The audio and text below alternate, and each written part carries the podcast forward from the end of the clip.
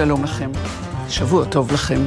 פא, פגישה אישית משולשת בסופו של שבוע שעטף ברדיד דקיק, שברירי, מדומה חגיגה, את מטעני הטינה והזעם, המחלוקות העמוקות וחודי החניתות שישלפו למלוא אורכן ופגיעתן בזה שיחל כבר מחר. באלף פגישה אישית משולשת במוצאי שבת, עוד מוצאי שבת סוער שבא אחרי יום חמישי סוער שבא אחרי יום שלישי סוער, וכן הלאה וכן הלאה, ארץ אוכלת אוהביה. לעת אשר כזאת יאות מילותיו של יהודה עמיחי בשירו אהבת הארץ. והארץ מחולקת למחוזות הזיכרון וגלילי התקווה. ותושביהם מתערבבים אלה עם אלה כמו חוזרים מחתונה עם חוזרים מלוויית המת.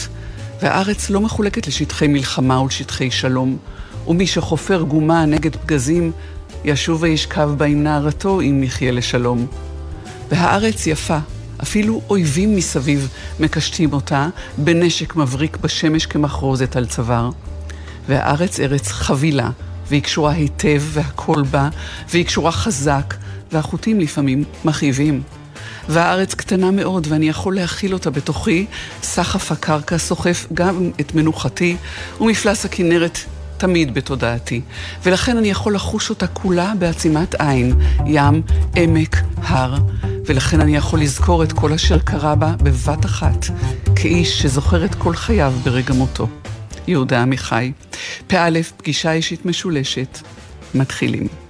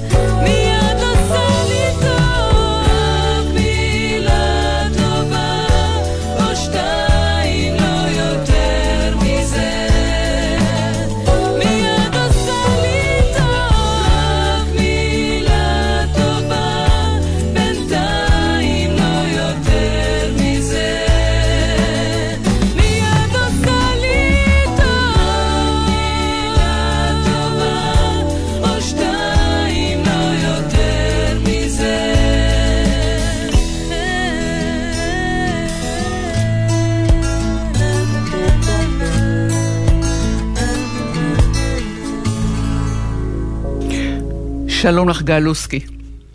ערב טוב. מייסדת ומנכ"לית ארגון ההצלה Israel Flying Aid, סיוע ישראלי מוטס, ואנחנו אחרי יום העצמאות, אחרי כל היפה וכל השנוי במחלוקת, הנה משהו יפה שנמשך גם מחר, שוב אה, יוצאת משלחת של Israel Flying Aid, ומתוך חשש שלא להגיד משהו שאסור לומר אותו, אני אשאל אותך, לאן? איזו משלחת ולאן ממריאה מחר איתך, בראשך גל, מנכ"לית אה, הארגון, אה, ולצידך בארגון הזה ובהנהגתו מאיה צוקרמן. לאן מחר, גל? אז נכון, אז קודם כל כבוד גדול באמת לעבוד אה, בארגון שכל כולו אה, בזירה גברית אבל מובל על ידי נשים. אה, מאיה צוקרמן שכרגע הזכרת, אסתר, ליאת אה, ועוד הרבה טובות ומדהימות. מחר יוצאת משלחת שלמעשה מהווה סגירת מעגל משמעותית עבורנו לצ'אד. אה, צ'אד אה, מדינה שלמעשה אין לה שום גישה לים. ולכן הסיוע ההומניטרי אליה נורא נורא מסובך. אה, הימי האווירי מכל דרך וצורה, אנחנו התחלנו לעבוד בצ'אד עוד לפני כינונם של יחסים דיפלומטיים בצורה שקטה, כדי לא להביך בעיקר את הצד המקבל ולא לסכן את אנשי הצוות שלנו. ומחר אנחנו נוסעים בגאווה גדולה עם uh, דגל ישראל uh, ומה באמתחתכם? ומה באמתחתכם? אנחנו נוסעים לעשות הכשרות רפואיות בשני בתי חולים ולהמשיך אה, ולתמוך בבית יתומים, בית יתומים של 130 ילדים ובבית הספר שלו שמכיל כ-300, כי זה גם ילדים מהשכונה. אה, בבתי החולים אנחנו הולכים לעשות הכשרות רפואיות במספר תחומים, בקרדיולוגית ילדים, בטיפול נמרץ, אה, מרדים נוסע כדי להכשיר בתחום שלו, ובבית חולים השני זה בית חולים לנשים שבו נערכים ניתוחי שחזור מאוד מאוד מורכבים אה, למעשה ילדות יולדות, ילדות שחותנו בגיל 10-11 וכבר ילדו בגיל 13-14 והגוף שלהם לא היה מוכן ללידה טבעית. ובערך כולו התפרק והניתוחי שחזור האלה הם ארוכים ומורכבים.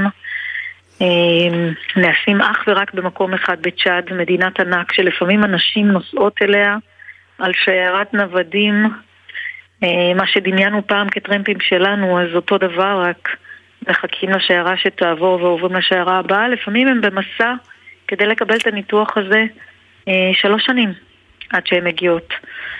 אמ, ואז גרות מחוץ למתחם בית החולים הזה. אמ, מנסות לסחור בכל דבר, בגרעינים, בחיטה, בכל מה שיש להם, כדי לחכות לתורן.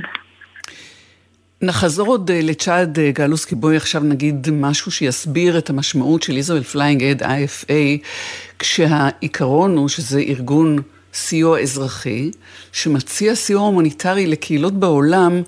אה, אני רואה את רשימת האזורים והפעילויות ואני עוקבת אחריכן כמעט מההתחלה, אתם מאז 2005.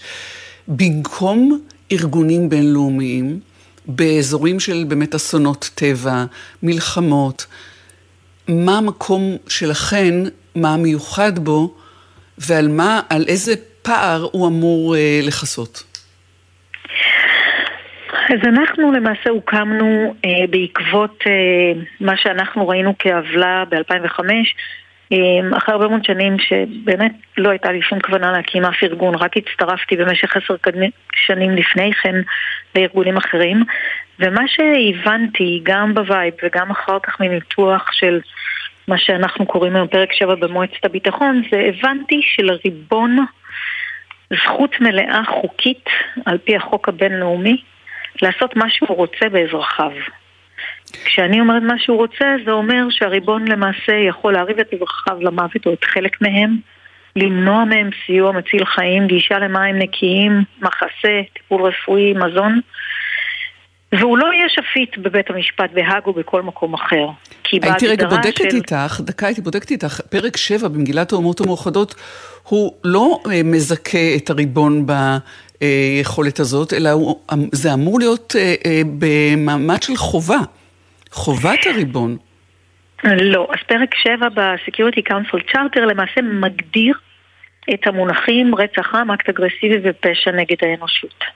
תחת אף אחת מההגדרות האלה, מניעת סיוע מציל חיים נכללת. משמע היא נשארת חוקית ומותרת. מאוחר יותר ניסו את הרום סטטיו לתקן, דה פקטו היום זה מתבצע בהרבה מאוד מהזירות שאנחנו מכירים, בסוריה כמובן, ראינו את זה שנים ארוכות שהאו"ם, כל האספקה של האו"ם וכל העזרה של הסיוע לאורך כל חמשת השנים הראשונות כמעט מהמלחמה הזאת, מ-2011 ואילך, למעשה כל הסיוע שכולנו נזעקנו לתת, כולל המדינות הגדולות, עבר לידיו של אסד. ומה הסיכוי שאסד יאכיל וירפא את הילדים של האופוזיציה שלו? אפס, כולם יודעים. זה לא שחסר מידע או מודיעין או שום דבר לא חסר. מה שחסר זה מצפון וערכים, והעולם שותק. ממש אותו אחד ששתק אז. וככה אנחנו החלטנו להקים את ה-FA. ההחלטה הייתה שאנחנו פועלים איפה שצריך ולאו דווקא איפה שחוקי ומותר. כי למעשה בסוף ה-DNA היהודי מקדש חיים. הוא לא מקדש שום דבר אחר, גם לא את החוק.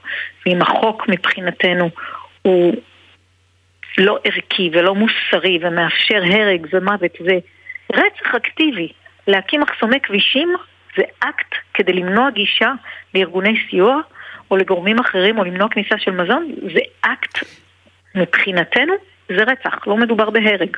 וכשהבנו אומרות... את זה אחרי הרבה מאוד שנים בשטח, החלטנו להקים את ה-IFA. ואתן אומרות, אף אחד לא מבקש רשות להרוג, אנחנו לא מבקשות רשות להציל חיים, אנחנו פשוט עושות את זה. בפועל המשמעות של זה, אה, גל לוסקי, זה שאתן, שתי נשים צעירות ונועזות, לא יכולות לעשות את זה לבד.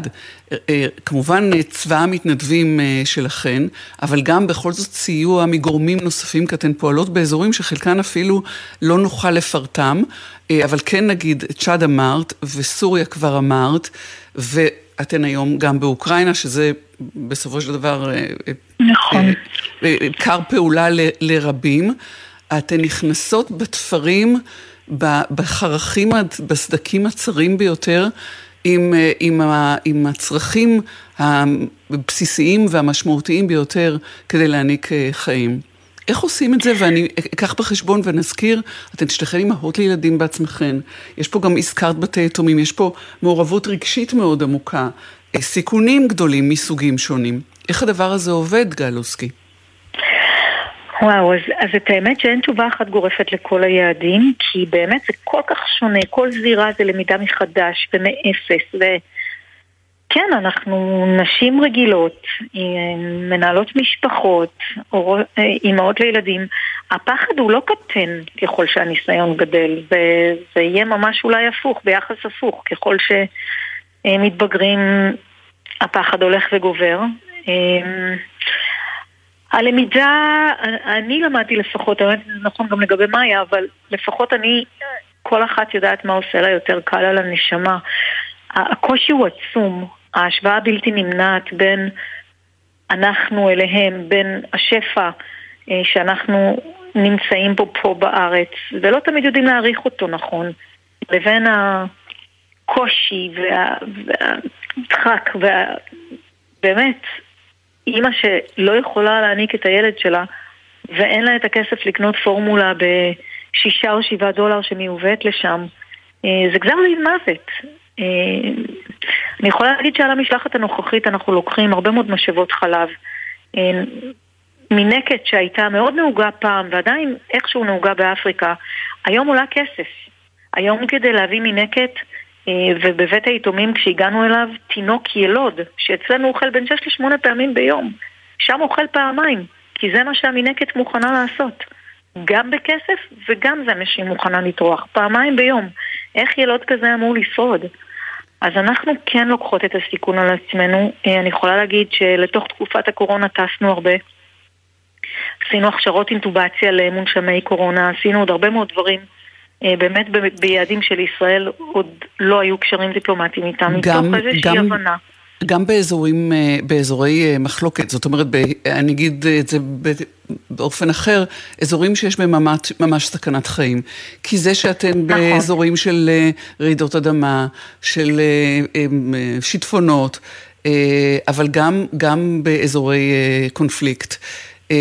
נכון. במקומות של צ'אד זה, זה, זה משבר הומניטרי, אבל גם במקומות נכון.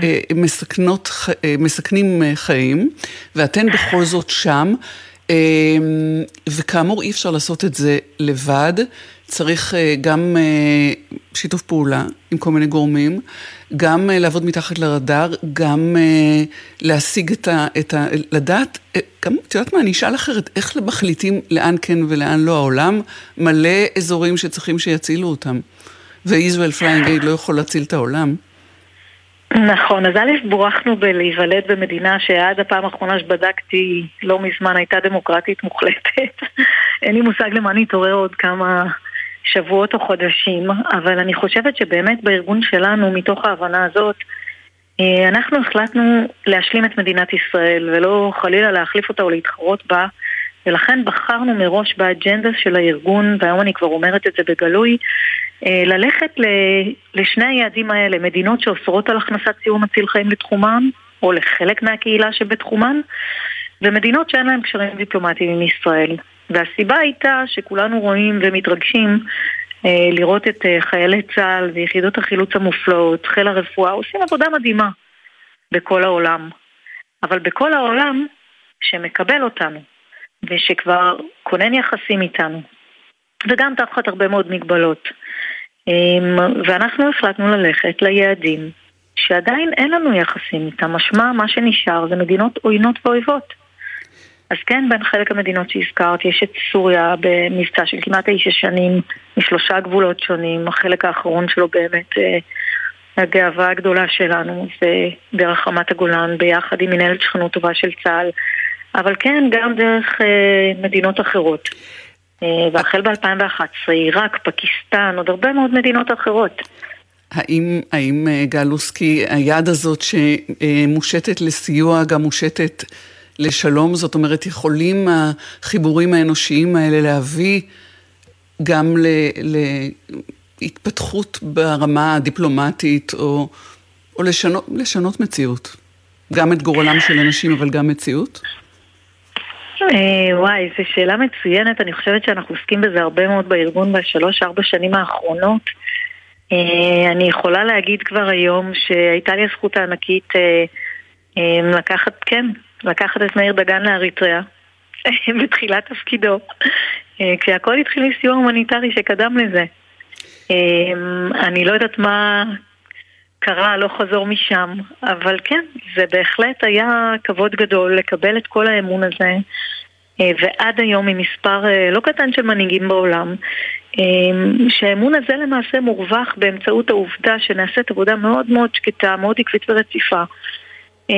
לפעמים בסכומים מאוד גדולים שמתאפשרים באמצעות השותפים האמריקאים שלנו, אם זה ארגונים נוצרים אוהבי ישראל, שהרבה פעמים אומרים לי, אנחנו מוכנים לתרום אך ורק למדינת ישראל, וצריך לעבוד מאוד קשה כדי להסביר להם שהחוסן של הגבול שלנו ברמת הגולן תלוי הרבה במספר הממשקים שנתחיל ונצליח לייצר באמצעות אותו, אותו סיור הומניטרי, שיש לזה יותר מצד אחד של הצלת חיים, ויש לזה ערכים מוספים באמת יוצאי דופן. גל... אז זה אותו דבר באותן מדינות שאנחנו מסייעים. גל לוסקי, Israel Flying Aid, תודה לך, תודה לכן. שלום. תודה רבה.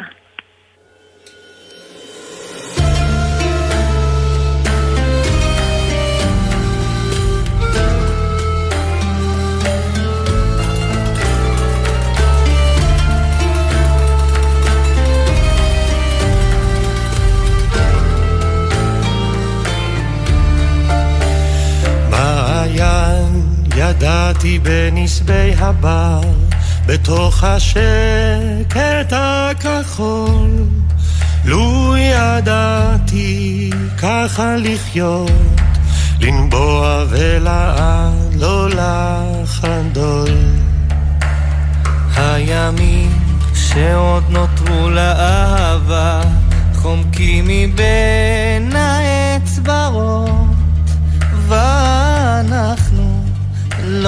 נבקש, לא אות ואף לא רמז לבאות. חלקת אלוקים ופיסת שמיים, דבר לא אבקש רק אבן קטנה, ראשי להניח בצל הזית, ולשקוט ארבעים שנה.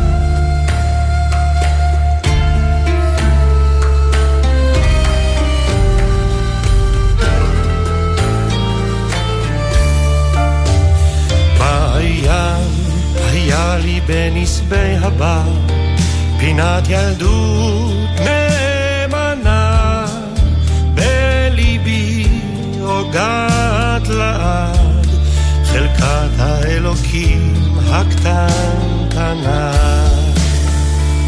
חלקת אלוקים ופיסת שמיים דבר לא אבקש רק אבן קטנה ראשי להניח בצל הזית ולשקוט ארבעים שנה.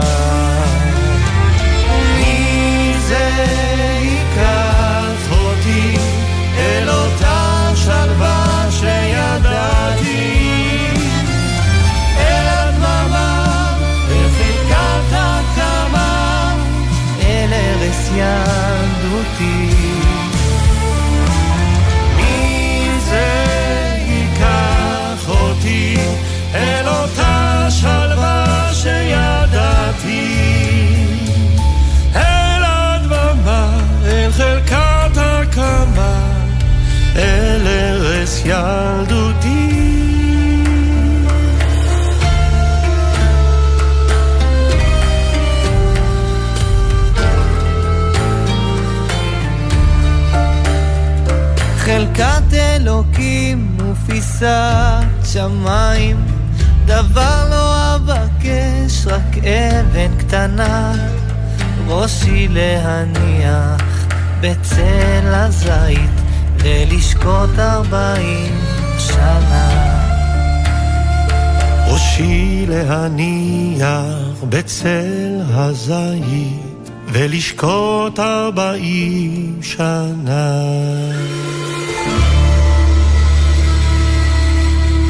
חלקת אלוהים, שי אברמסון ומתן מועלם, איזה יופי. פיני רבינוביץ', שלום לך.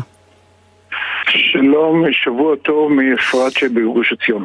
שלום ושבוע טוב ובשורות טובות. פיני, אתה מייסד ויושב ראש עמותת הכיר לי, יד ולב לשכול האזרחי, וכבר דיברנו בעבר. הנה בחודש נכון. מרס שוב היה שבוע המודעות לשכול האזרחי, כן. ואמרתי אל ליבי, נחכה.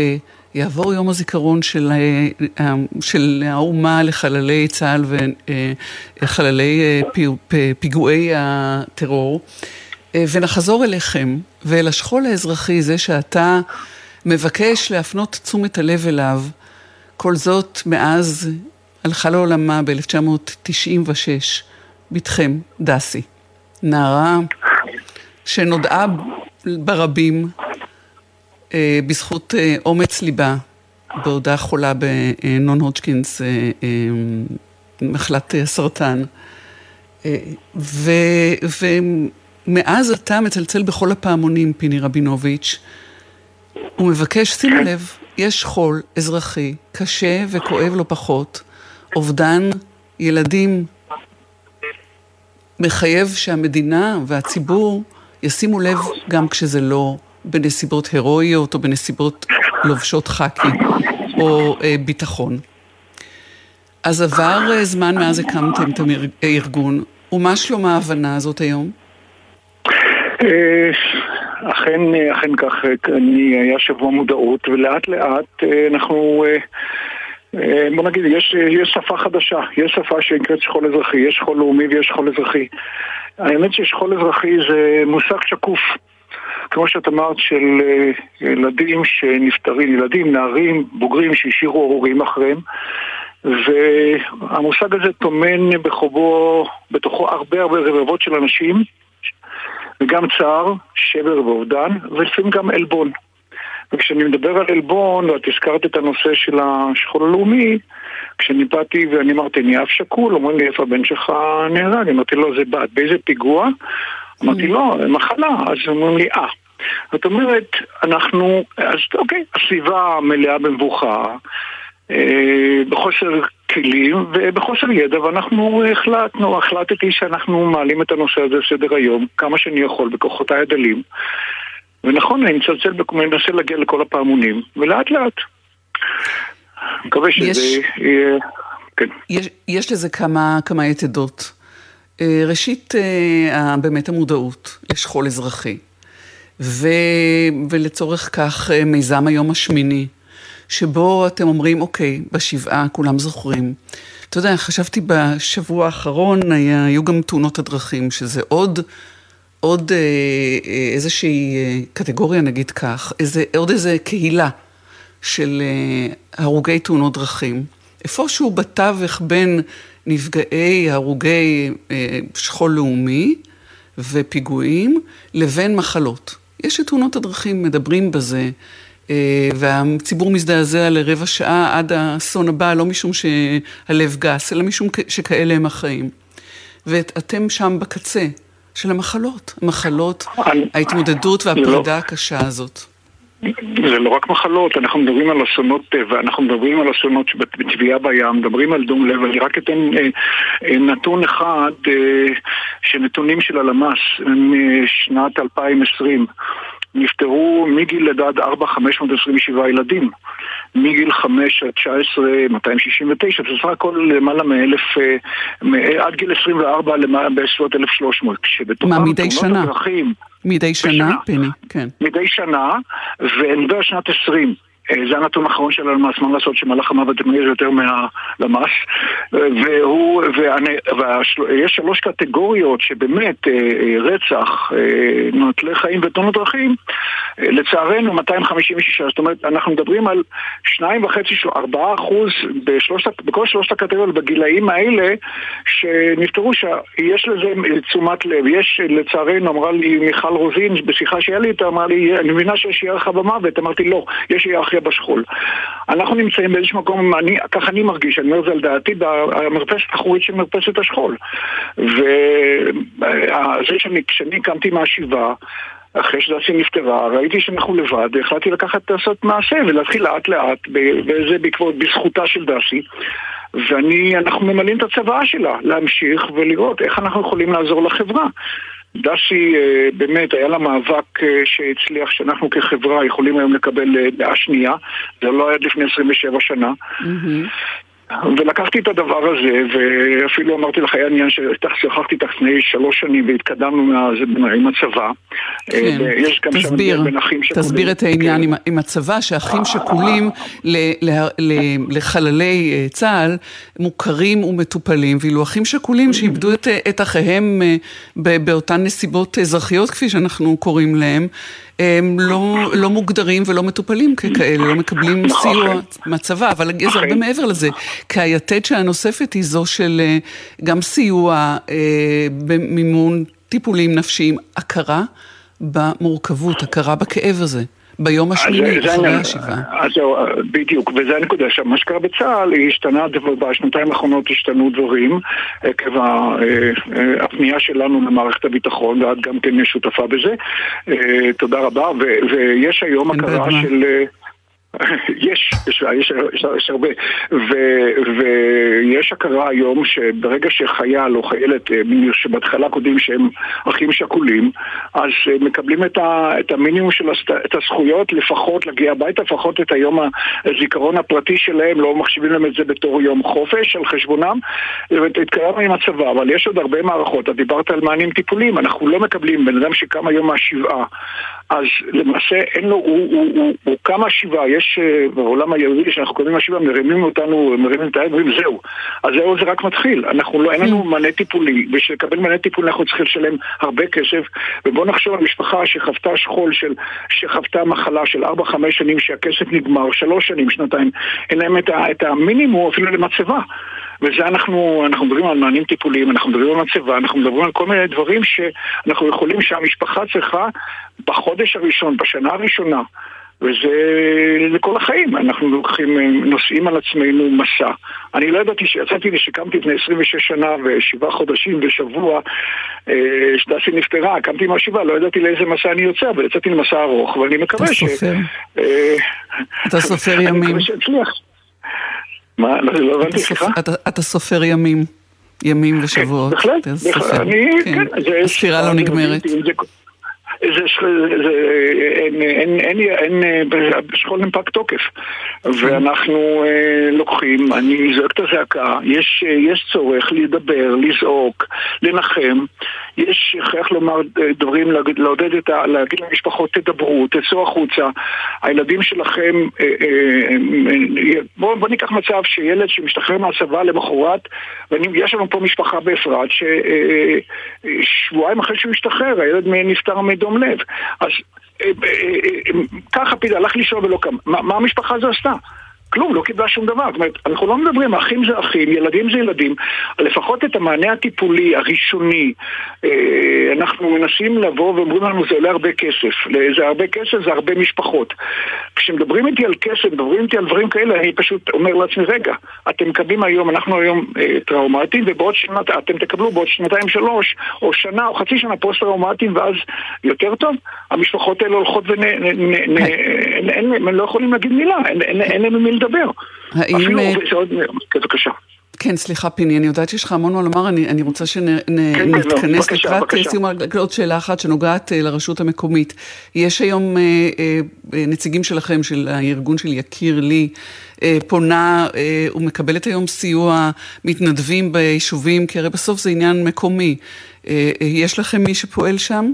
כן, כן, אנחנו פועלים, ב, אני יכול להגיד מילה טובה על אופקים, על נתניה, מועצה אזורית בנימין, מועצה אזורית שומרון, אה, נשר, אה, אה, רעננה, אנחנו לאט לאט, זה, פרויקט של אדם אחד שיושב ובא ומגיע, ויש לנו עובדים סוציאליים שמתמחים באובדן ושכול שמעבירים את ההכשרה למתנדבים, וזה הזמן להגיד למתנדבים ברשויות, בערים הגדולות, ומי ששומע אותנו, אני ברשותך, אם תרשי למסור מספר טלפון, שישלחו לי הודעה, בהחלט. אנחנו מחפשים מתנדבים, מחפשים מתנדבים שיבואו ויעברו הכשרה, הכשרה של חמישה מפגשים בנושא של אובדן ושכול, הכשרה מקצועית. ו... המספר, פיני? אחרי זה פשוט 050 5 335 148 אני אחזור על זה שוב, דבר ועניין. 05, בבקשה. אני אחזור על זה שוב, 05-0533-5148, שם אה, אפשר להתנדב אה, ולהצטרף אה, לסיוע שלי, הזה. הטלפון שלי, אה, אפשר לדבר בכל דבר ועניין, גם משפחות שכולות מוזמנות להתקשר אה. ולקבל מאיתנו חיבוק של כאב ואהבה. פיני אה, רבינוביץ', אבא של דסי, זיכרונה לברכה, אה, שמחות קטנות, שיר שתכף נשמע, של מיכה שטרית ואמיר בניון, תסביר אה, את הקשר שלכם לשיר הזה לפני שנשמע אותו. אה, יש את ה... דסי השאירה לנו אה, את, אה, העיגולי השמחה. שהסיפור הוא בדקה, בשתי דקות, דקה. דקה, אה, חצי אה, דקה. דקה.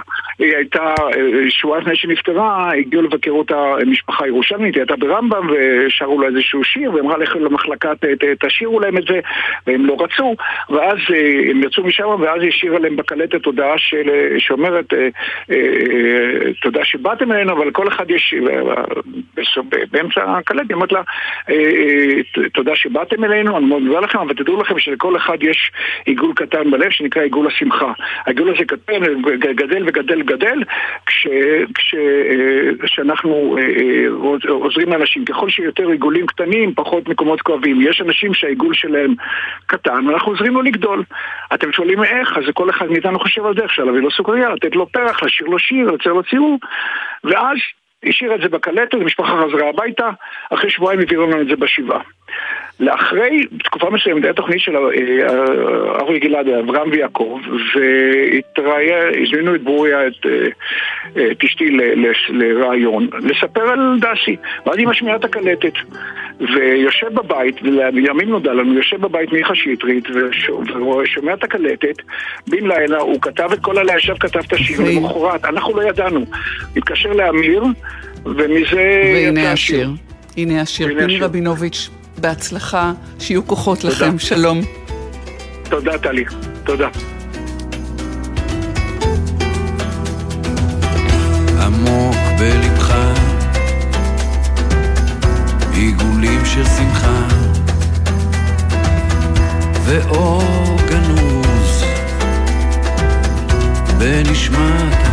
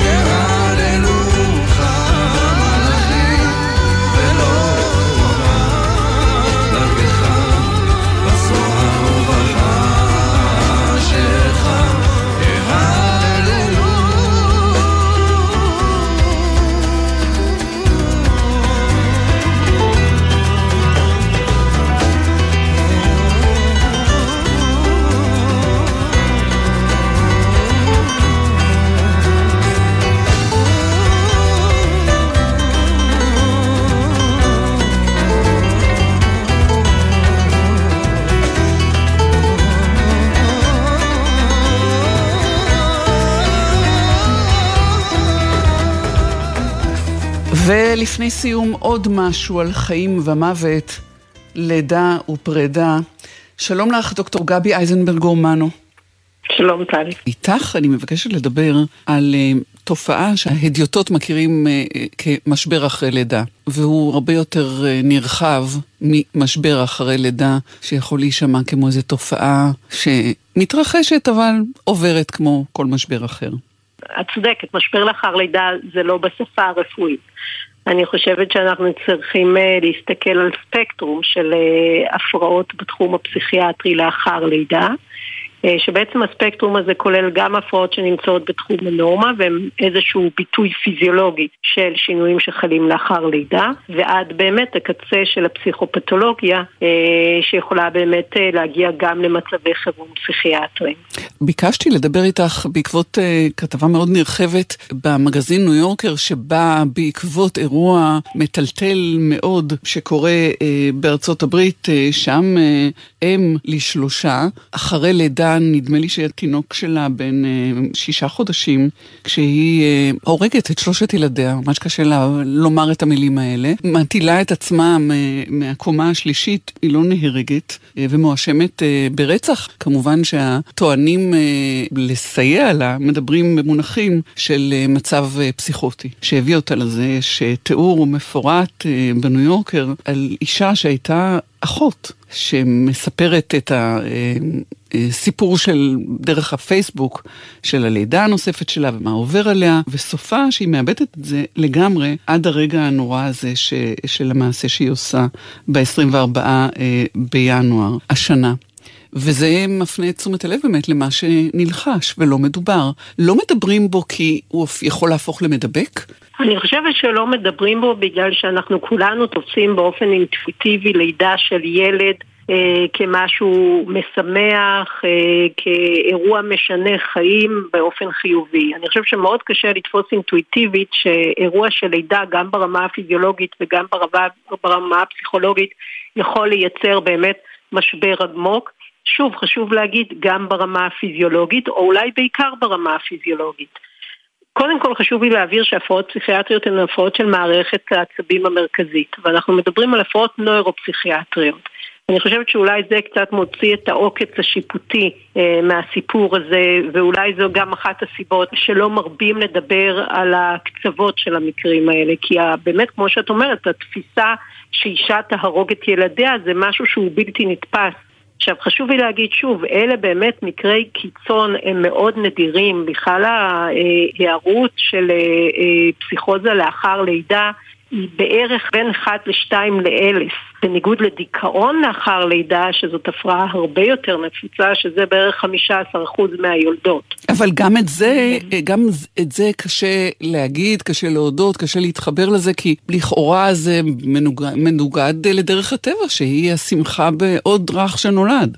זה, זה נכון, אבל אני חושבת ששוב צריך להבין שאנחנו מדברים פה על מצבי תחלואה. אנחנו בעצם מדברים על הממשק בין מצבים הורמונליים לבין הפרעות של מערכת העצבים המרכזית, שנגרמות כתוצאה משינויים הורמונליים חדים. השאלה הגדולה היא למה זה קורה בפלח מסוים של נשים, והיום המחקר בעצם חושב שיש אוכלוסייה, או סאב אוכלוסייה של נשים, שהיא רגישה יותר מבחינה הורמונלית, והרבה פעמים כשאנחנו מתשאלים, אנחנו יכולים לדעת מי זאת האוכלוסייה הזאת, או לפחות למצוא בהיסטוריה ההורמונלית של האישה אה, נקודות שבהן אנחנו רואים שהייתה רגישות גדולה יותר, שהיו מופעים כאלה ואחרים בעקבות כל מיני שינויים הורמונליים, בין אם זה תסמונת קדם ויסטית, בין אם זה מתן טיפול הורמונלי בגלולות, אה, טיפולי פריון, התקן תוך רחמי, ככה שמלכתחילה יש נשים שתהיה להן נטייה, גם הנטייה הגנטית, אבל שוב,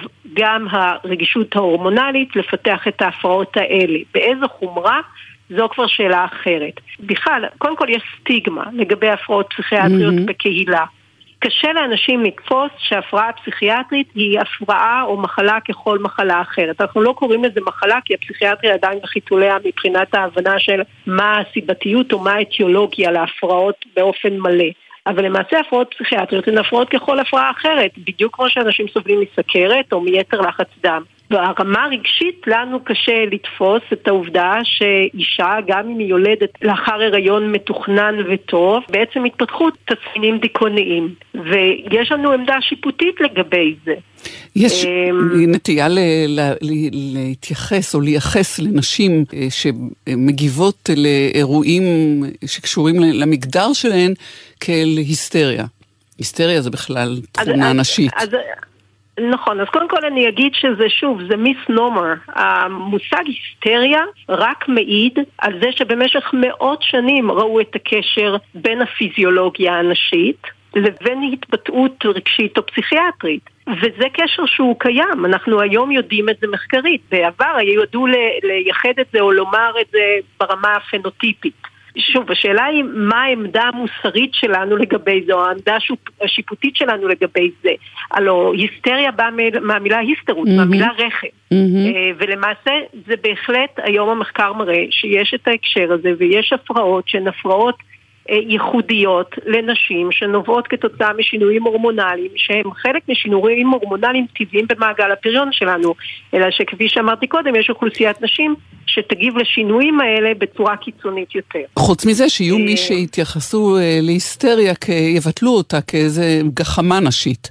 ולא כאל אה, תופעה פיזיולוגית ש, שדורשת התייחסות, ו, ואת מדברת גם במונחים של מניעה, זאת אומרת, אם אנחנו יודעים לאפיין, אז אנחנו יודעים גם למנוע. אני תוהה, דוקטור גבי אייזנברג רומנו, עד כמה אה, התופעה הזאת, ובאמת בעקבות הסיפור הזה של לינזי קלנסי במסצ'וסטס, אנחנו מדברות על זה, אבל זה בטוח קורה במידה ולו גם מזערית פה. כמה המחקר בכלל נותן דעתו על זה, כי אנחנו יודעים שבמה שנוגע לתופעות אה, קליניות בנשים, שמים על זה פחות את הז'יטונים.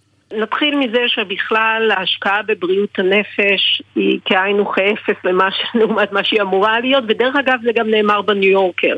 זה לא משהו שייחודי mm-hmm. רק למדינת ישראל, mm-hmm. אבל בטח ההשקעה בבריאות הנפש של נשים.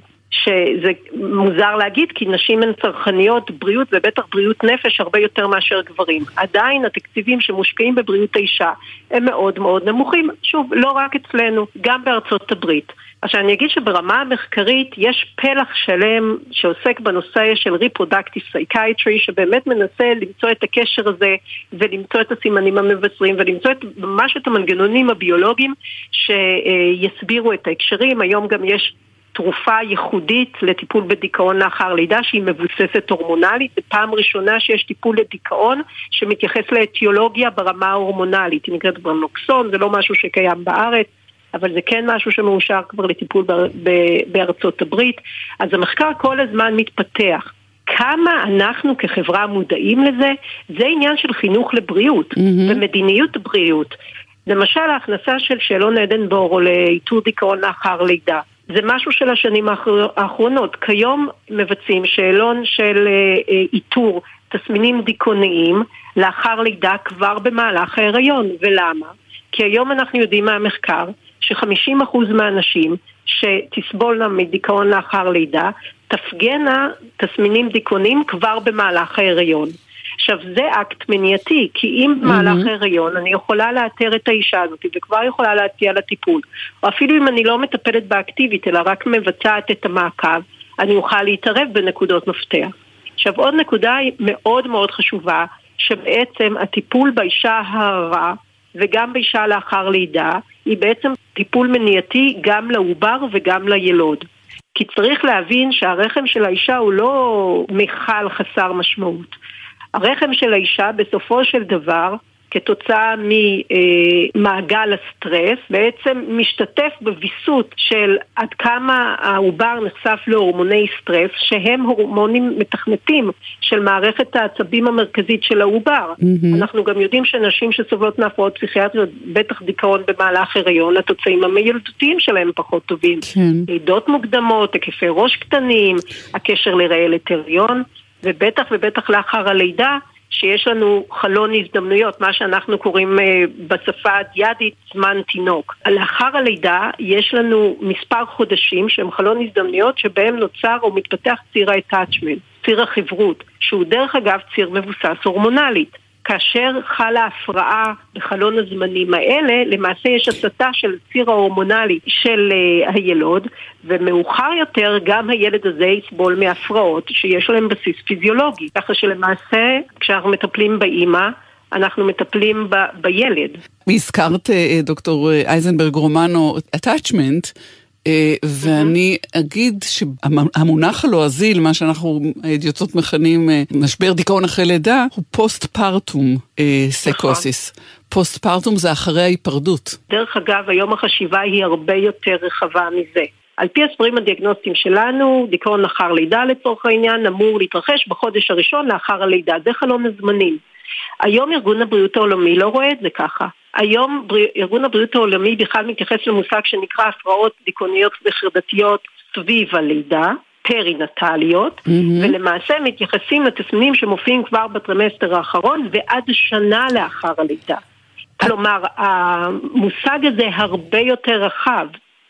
עד כמה חשוב, דוקטור גבי אייזנברג רומנו, שאנחנו מדברות על זה עכשיו, ושגם לינזי קלנסי האומללה אה, כתבה ושיתפה שיתוף אה, ככה מאוד אה, אינטנסיבי, זה עושה טוב הדיבור על זה? אז, אז אני חושבת שקודם כל תלוי סוג הדיבור. אוקיי? אני חושבת שהדיבור שלנו, שהוא דיבור שבעצם מתייחס בצורה אה, ש, שמנסה לעשות איזושהי קונספטואליזציה של מה שקורה, הוא דיבור סופר חשוב. אני חושבת שהוא צריך להגיע בהרבה יותר רמות מזה. אני חושבת שהוא צריך להיות דיבור מול אנשי מקצוע, זה גם דרך אגב משהו שמוזכר בכתבה של הניו יורקר. כן. למעשה, עד כמה באמת אה, רופאים, אני רופאה שלישונית. אני יושבת בשירות לבריאות הנפש של האישה בבית חולים גדול. אני לא הראשונה שרואה נשים לאחר לידה. מי שרואה ראשון את הנשים לאחר הלידה זה בין אם זה רופא המשפחה, רופא הילדים, הגניקולוג, אחות טיפת חלב. כל אנשי השירות שלמעשה יפגשו את האישה הזאת לאחר לידה. פסיכיאטר זה לא הדבר הראשון שאת רוצה לפגוש אחרי הלידה. ואני חושבת שהחינוך של המקצועות האלה, שהם בעצם בקו הראשון, גם ברמה האבחנתית, גם ברמה הטיפולית ברמה מסוימת, בטח ובטח ברמה האבחנתית, הוא ראשון במעלה. הם יהיו הראשונים שיאתרו, יטפלו או יפנו למקום שצריך להפנות, אבל אני חושבת שזה גם עניין של סטיגמה. גם אנחנו כאנשי מקצוע, יש לנו סטיגמה, ואני חושבת שככל שאנחנו מכירים יותר את המטופלים שלנו, ומבינים יותר את מהות ההפרעה, ככה הטיפול שלנו הוא יותר מיטיב. דוקטור גבי אלזנברג רומנו, פסיכיאטרית מומחית בכירה, מנהלת השירות לבריאות הנפש של האישה בבית החולים איכילוב, אני מודה לך מאוד שדיברת איתנו. שיהיה שבוע טוב. שבוע טוב, ותודה רבה, טלי, שאת שמה זרקור על הנושא הסופר סופר חשוב הזה. לך תודה. שלום. שלום, להתראות.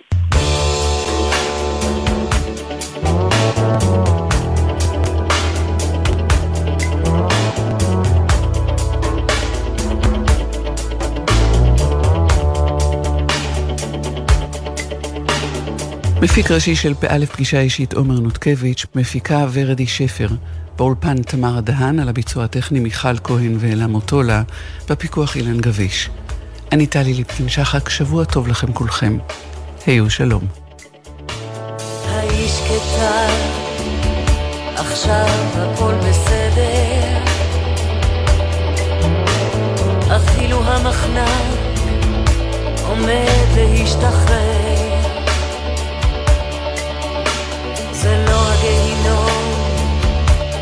ובטח לא גן עדן. זה העולם שיש, ואין עולם אחר. האיש כתת